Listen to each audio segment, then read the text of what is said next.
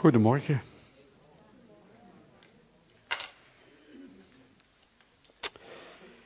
Ik zat met een dilemma van de week. Keuzes, ja. Zou ik een derde adventspreek doen? Of zou ik de preek afmaken die ik in augustus gepreekt heb? En ik dacht, laat ik die van augustus maar afmaken. Ik wacht nu al zo lang. Beetje net als jij, Harm. Met je brommer.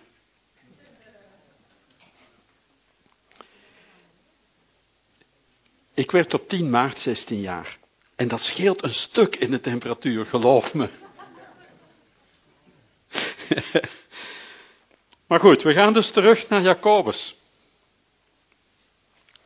Hoe meer moeite, hoe meer vreugd. Jacobus hoofdstuk 1. En we lezen vanaf vers 2. Acht het voor enkel vreugde, mijn broeders, wanneer u in allerlei verzoekingen terechtkomt. Want u weet dat de beproeving van uw geloof volharding teweeg brengt. Maar laat die volharding ook volledig mogen doorwerken, omdat u volmaakt bent en geheel oprecht en in niets tekort schiet. En als iemand van u in wijsheid tekortschiet, laat hij die dan vragen aan God, die aan ieder overvloedig geeft en geen verwijten maakt, en ze zal hem gegeven worden. Maar laat hij er in geloof om vragen en daarbij niet twijfelen. Immers wie twijfelt, lijkt op een golf der zee die door de wind voortgestuwd en op en neer geworpen wordt. Want zo iemand moet niet denken dat hij iets zal ontvangen van de Heer. Hij is een dubbelhartig man, onstandvastig in al zijn wegen. Maar laat de broeder die nederig is zich beroemen op zijn hoge staat en de rijke in zijn nederige staat, want hij zal als een bloem in het gras voorbij gaan. Want de zon is opgegaan met haar hitte en heeft het gras doen verdorren. Ook is zijn bloem afgevallen en is de schoonheid van zijn uiterlijk verloren gegaan. Zo zal ook de rijke in zijn wegen verwelken. Zalig is de man die een verzoeking verdraagt, want als hij beproefd gebleken is, zal hij de kroon van het leven ontvangen die de Heer beloofd heeft aan hen die hem liefhebben. En laat niemand zeggen als hij verzocht wordt, ik word door God verzocht. God immers kan niet verzocht worden met het kwade en hij zelf verzoekt niemand. Maar ieder mens wordt verzocht als hij door zijn eigen begeerte wordt meegesleurd en verlokt. Daarna, wanneer de begeerte bevrucht is, baart ze zonde. En wanneer de zonde volgroeid is, baart ze de dood. Dwaalt niet, mijn geliefde broeders, elke goede gave en elk volmaakt geschenk is van boven en daalt neer van de Vader der lichten, bij wie er geen verandering is of schaduw van omkeer. Overeenkomstig zijn wil heeft hij ons gebaard door het woord van de waarheid, opdat we in zeker opzicht eerstelingen van zijn schepselen zouden zijn. We hebben vorige keer gezien dat Jacobus aan het halfbroertje van de Heer Jezus was. Dat het eerst allemaal wat moeilijk liep in dat gezin.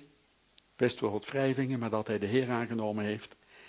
En dat hij hier zegt, weet je, als je allerlei moeilijkheden en problemen hebt, beschouw dat als iets vreugdevols.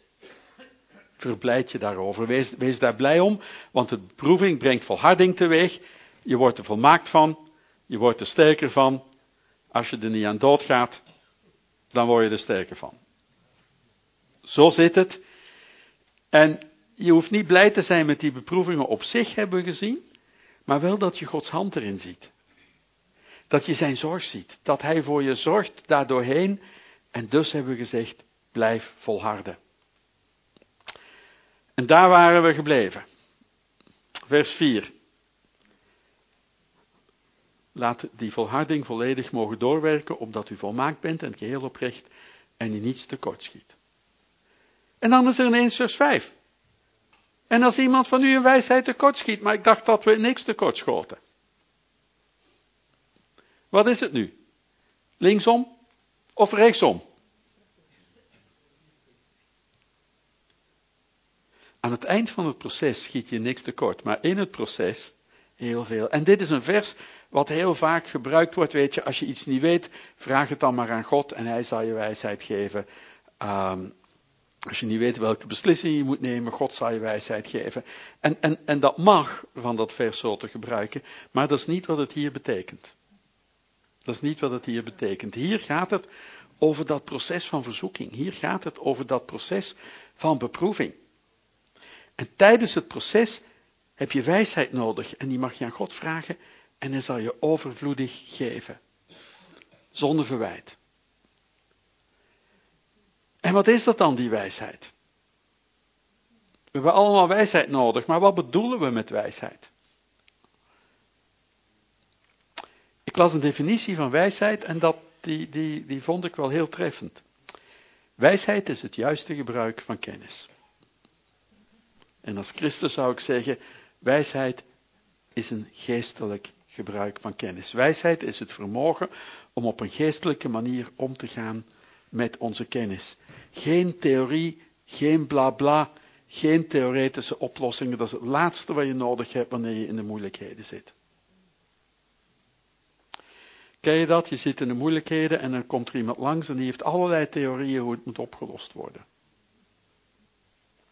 Wij kennen dat. Mijn vrouw is al, um, is, is al 40 jaar ziek. En dan komen mensen en dan zeggen ze, ja, het is misschien wel zonde in je leven. Um, misschien moet je een keer met vakantie gaan. Um, je moet sporten. Um, de, de meest irritante. Ik begrijp wat je bedoelt. Ik ken dat. En dan denk je, je kent dat helemaal niet. Nu steel je mijn verhaal. En je begrijpt helemaal niet wat ik bedoel. Misschien denk je dat je begrijpt wat ik bedoel, maar ik bedoel wat ik bedoel. En als je in de problemen zit, dan heb je aan die theoretische kennis heb je geen behoefte. Doet me denken aan de vrienden van Job. Die zeiden best goede dingen. Op het verkeerde moment. Dat wijsheid is het vermogen om op een geestelijke manier om te gaan met onze kennis. En de kennis hebben we nodig, maar de wijsheid zorgt dat het tot eer van God wordt. En als je in wijsheid tekort schiet, en dan is het niet zozeer een beslissing om te nemen, maar dan is het een manier om met je kennis en om met je bijbelkennis en je geestelijke kennis en je ervaring in het leven, om daar op een geestelijke, opbouwende manier mee om te gaan, zodat God eer krijgt en onze broeder of zuster opgebouwd wordt. Dat is wat het hier betekent. En er is een overvloed aan wijsheid. God geeft overvloedig aan iedereen, zonder verwijt. Hij neemt het je niet kwalijk als je hem iets vraagt. Hij zegt niet, ben je daar nu alweer met je gezeur? Hij geeft eenvoudig weg, zonder verwijt, overvloedig. En toch vinden we het zo moeilijk van te vragen. Want we willen het allemaal zo graag zelf oplossen. Hè? Wat dat betreft zijn we net als, als een kind van drie. Ik wil zelf. Oh, ik wil zelf. Ik wil zelf de trappen op. En als er nog een rij van dertig man achter je staat, dan kan hun niks schelen. Ik wil zelf die trappen op. Maar zijn we ook niet zo naar God toe dat we zeggen: Ik wil zelf. Ik wil ook niet in de schuld staan. We lossen het zelf op en als dat niet lukt, dan gaan we naar God. En dan gaan we naar God en hebben we dikwijls nog een voorstel over hoe hij het dan zou moeten oplossen. Ook, hè? Dan, dan geven we God nog advies ook. Vaak nog met een plan B erbij voor het geval plan A mislukt. Dat is geen wijsheid, daar heeft God geen behoefte aan. God heeft geen behoefte aan onze suggesties. God bedenkt zelf wel hoe hij de dingen oplost. Maar hij is bereid om alles te geven. Matthäus 7, bid en u zal gegeven worden. Zo simpel is het. Zoek en je zal vinden, klop en er zal open gedaan worden. En ieder die bidt ontvangt en wie zoekt die vindt en voor wie klopt zal open gedaan worden. Of is er onder u of is er iemand onder u die zijn zoon een steen zal geven als hij om een brood vraagt? Of als hij om een vis vraagt en een slang zal geven? Als u die slecht bent uw kinderen dan goede gaven weet te geven, hoeveel te meer zal uw Vader die in de hemel is goede gaven geven aan hen die tot hem bidden. Bid en u zal gegeven worden. En bid concreet. Wees vrijmoedig en bid concreet. Ik heb geleerd doorheen de jaren, met schade en schande, om concreet te bidden en om uitgebreid te bidden.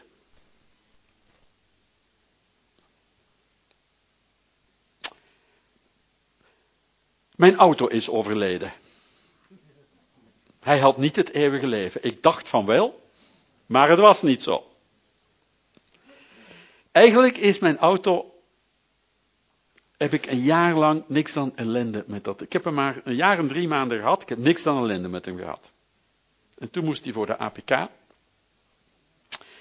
En ik dacht, weet je, voor ik hem voor de APK binnenbreng, ga ik mijn garagehouder even vragen van te kijken wat dat nu gaat kosten. Om dat ding in orde te maken. En dan zegt hij, ja, toch wel zeker 3000 euro. En dan hoop ik dat het in orde is. Nu, dan hoop ik dat het in orde is. Dat is wat mij stoorde, vooral. Nu, het ding had maar 4000 euro gekost. Dus dan denk ik van, ja, ja. Dus ik ben naar God gegaan. En ik heb gezegd, Heere God, mijn auto gaat dood. En ik wil, ik, ik wil u vragen om um, voor een nieuwe auto voor mij te zorgen. En um, ik ben best bereid om met oude auto's te rijden. Dat doe ik altijd, maar dan moet een Volvo of Mercedes zijn. Nee, is vooral geen BMW. Nee, no way. Dan moet een Volvo of Mercedes zijn. Heere God, deze is een Mercedes, die ben ik zat. Ik wil graag een Volvo. Ik wil graag een Volvo V70. Um, uit um, 2005, 2006 of 2007. Want ik ben ZZP'er, dus het moeten auto's zijn die minimaal 15 jaar oud is, maar ook weer niet te oud. Dus 2005, 2006, 2007. Um, uh, ik, ik, wil eigenlijk graag dat die op LPG rijdt. Want, want die dingen die zijn nogal vrij dorstig. Dus uh, ik wil graag dat hij op LPG rijdt. Als het even kan, zou het fijn zijn als er een leren interieur in zit. Dat moet niet echt, maar dat zou ik wel heel fijn vinden. Nee, het kleur heb ik niet gevraagd. Nee. En hij mag, en hij mag maximaal 4000 euro kosten.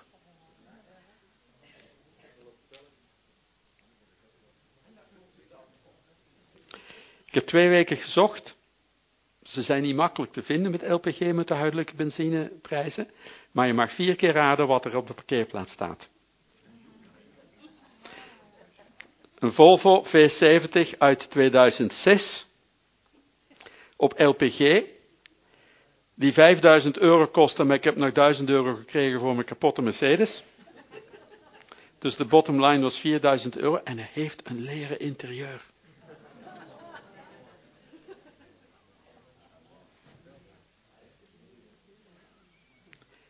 Als je om een vis vraagt, gaat God geen slang geven.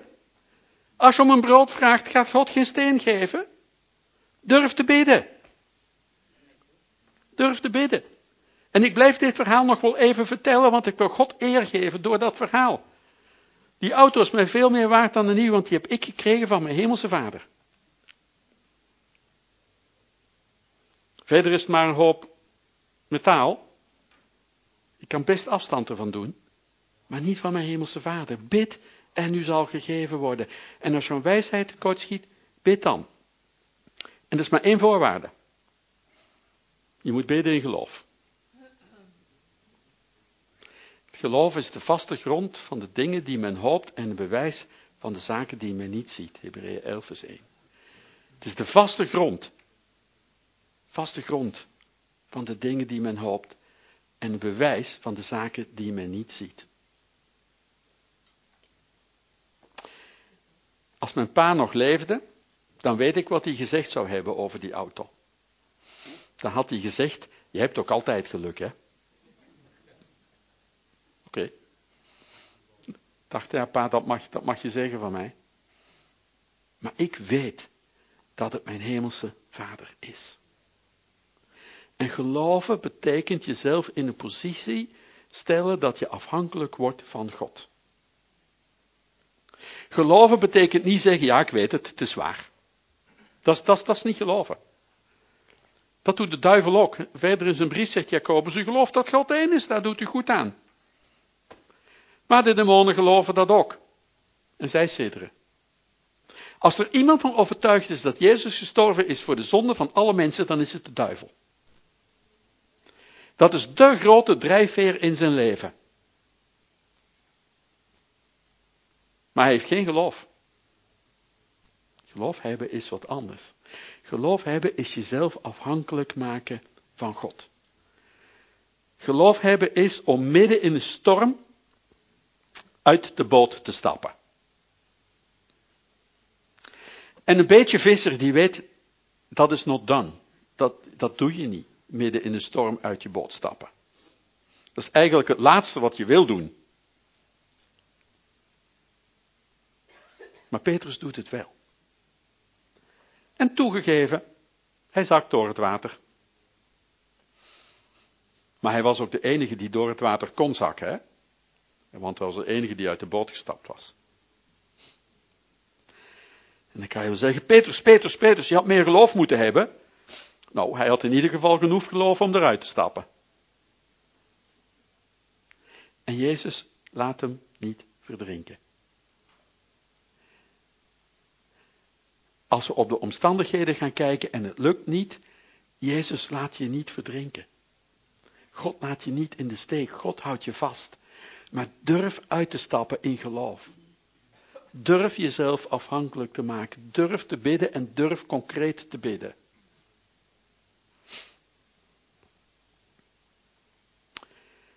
En je moet bidden in geloof.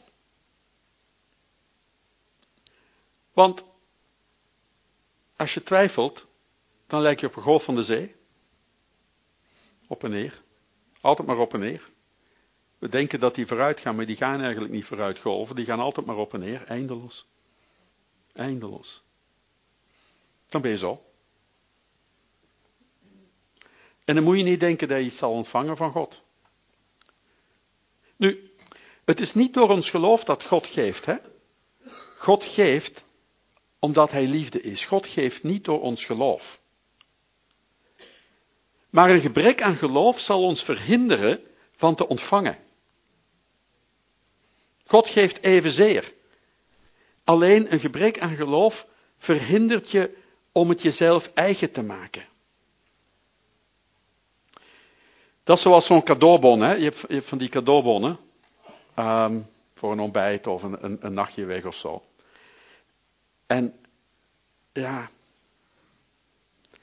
hoeveel van die dingen belanden in de la?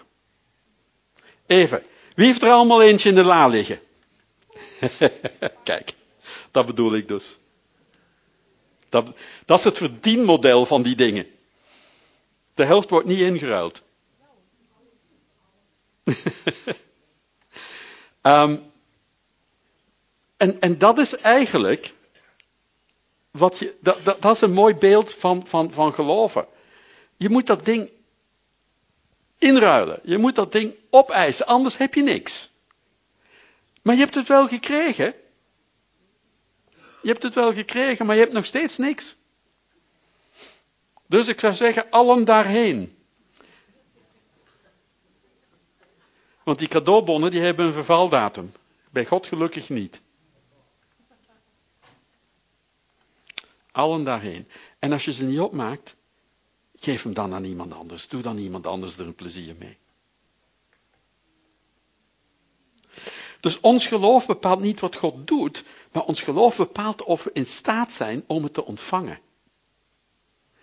En als je dat niet doet, dan ga je op en neer, dan ben je dubbelhartig. Dan ben je als een golf van de zee, onstandvastig in al je wegen, geen, niks vaste grond. En dan gaat Jacobus door, als het om die verzoeking gaat. En dan vertelt hij ons over de zonde. De genealogie van de zonde, hoe de zonde tot stand komt. Want we kunnen ook verkeerd omgaan met de verzoekingen die komen. Het, het, we kunnen ook, de verzoeking kan ons ook tot de zonde leiden. Ehm, en dan zijn we goed om de schuld aan anderen te geven. Dan zeggen we tegen iemand, jij hebt me boos gemaakt. Nou, laat, je, laat me je geheim vertellen. Iemand anders kan jou niet boos maken. Dat kan je alleen zelf. Iemand anders maakt je niet boos. Iemand anders doet iets waardoor jij jezelf boos maakt. Dat zou best kunnen. Maar je maakt jezelf boos. En je bent zelf verantwoordelijk voor je boosheid. En als je voor de rechterstoel van God staat, dan zal het niet, dan zal het niet opgaan om te zeggen, ja maar heer, die ander die heeft me boos gemaakt, het is zijn schuld. Dan gaat God zeggen, ah ah, dat werkt niet zo.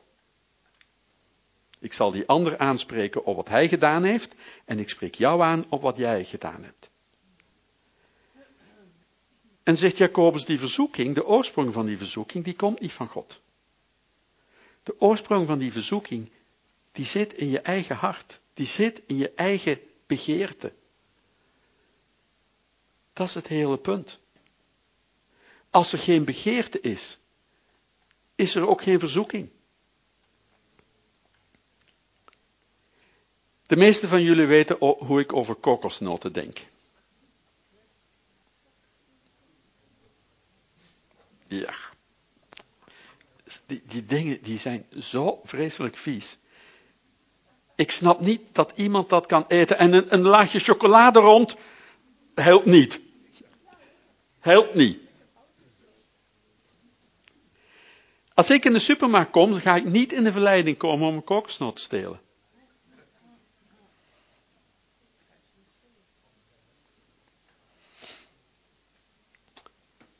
Een pakje bitterballen. Dat is een andere, dat is een andere zaak. Dat is een andere zaak. Weet je, het is de begeerte van je hart. Als er geen verlangen is in je hart, is er ook geen verleiding. Als er geen verlangen is naar eer van mensen, dan zal dat ook geen probleem zijn in jouw leven. Eer van mensen is nu iets wat mijn vrouw absoluut niet kan schelen. Ze, ze is daar totaal ongevoelig voor. Dat is echt makkelijk. Want ik heb daar wel strijd. Dat is iets wat ik wel moeilijk vind. Maar mijn vrouw zal maakt zich nooit zorgen over centen. Centen kan haar absoluut niet schelen. Ze heeft een rotsvast vertrouwen in God. Als het op centen aankomt. Als God willen zijn. Adam en Eva. Romeinen 1. Als dat de begeerte is van ons hart, dan zal het ons tot zonde brengen. En anderen kunnen je dus in die zin ook niet tot zonde brengen, maar die kunnen je wel bij de begeerte van je hart bepalen. En de duivel is er heel goed in om de begeerte van je hart te lezen. Hij heeft vele, vele, vele eeuwen ervaring om dat te doen. En hij zal je aanspreken op de begeerte van je hart. En dat is de verzoeking. Maar wij kiezen zelf. De zonde komt tot stand in ons eigen hart. Vertel me wat je zonde is en ik vertel je wat er in je hart leeft. Maar vertel me wat er in je hart leeft en ik zal je ook vertellen waar je gevoeligheid voor de zonde ligt. Dat ook. En die begeerte, die, die, die, daar, daar worden we door meegesleurd en verlokt.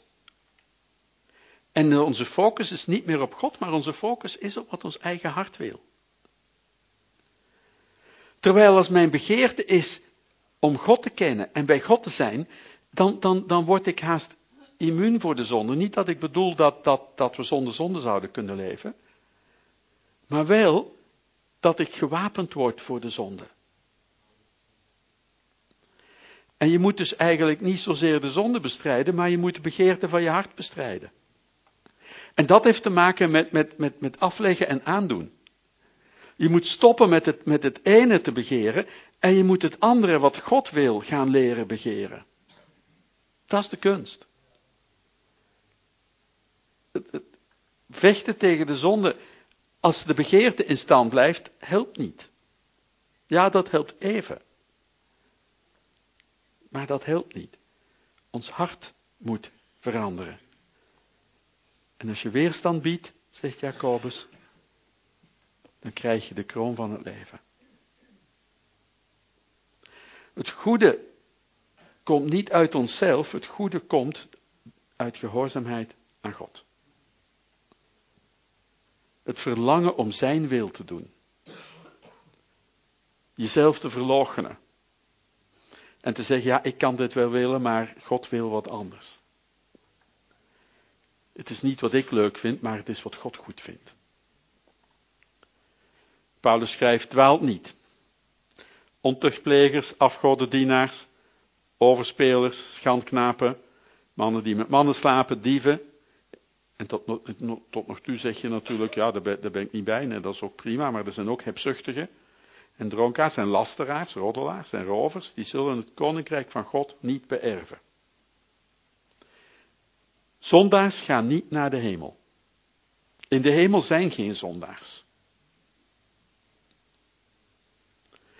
Maar sommigen van u zijn dat geweest.